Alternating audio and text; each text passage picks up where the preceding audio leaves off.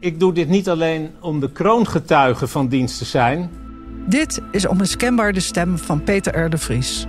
Maar ook omdat ik het belangrijk vind om naar de daders van de moorden op Redouan, de broer van de kroongetuige, en advocaat Dirk Wiersum, een duidelijk signaal af te geven dat zo'n misdrijf niet lonend is, geen zin heeft, niet werkt, omdat anderen hun plaats innemen. Peter laat hier de buitenwereld weten dat hij de vertrouwenspersoon wordt van kroongetuige Nabil B. Dat is in de zomer van 2020, als alle aandacht gericht is op het Marengo-proces met Ridouan Taghi. Peters boodschap is duidelijk: hij zal nooit zwichten voor geweld. Het antwoord volgt een jaar later.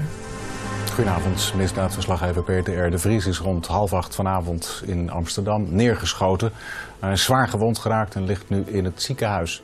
Een aanslag op een moedige journalist.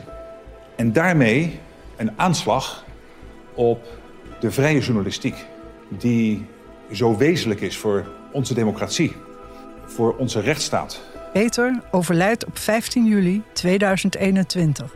Dat hakt erin. Ik ben Marjan Huske, ook misdaadjournalist. En ik kwam Peter tegen bij rechtszaken. Een attente en markante collega is vermoord.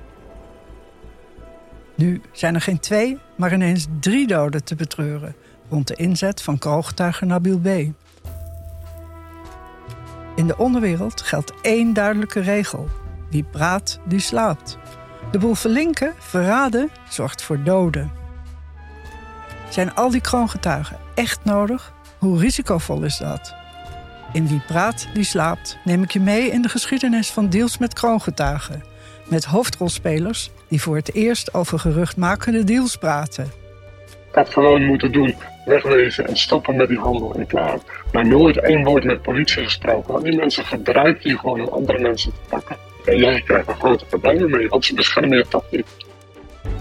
Vanaf 15 maart te beluisteren in alle podcast-apps.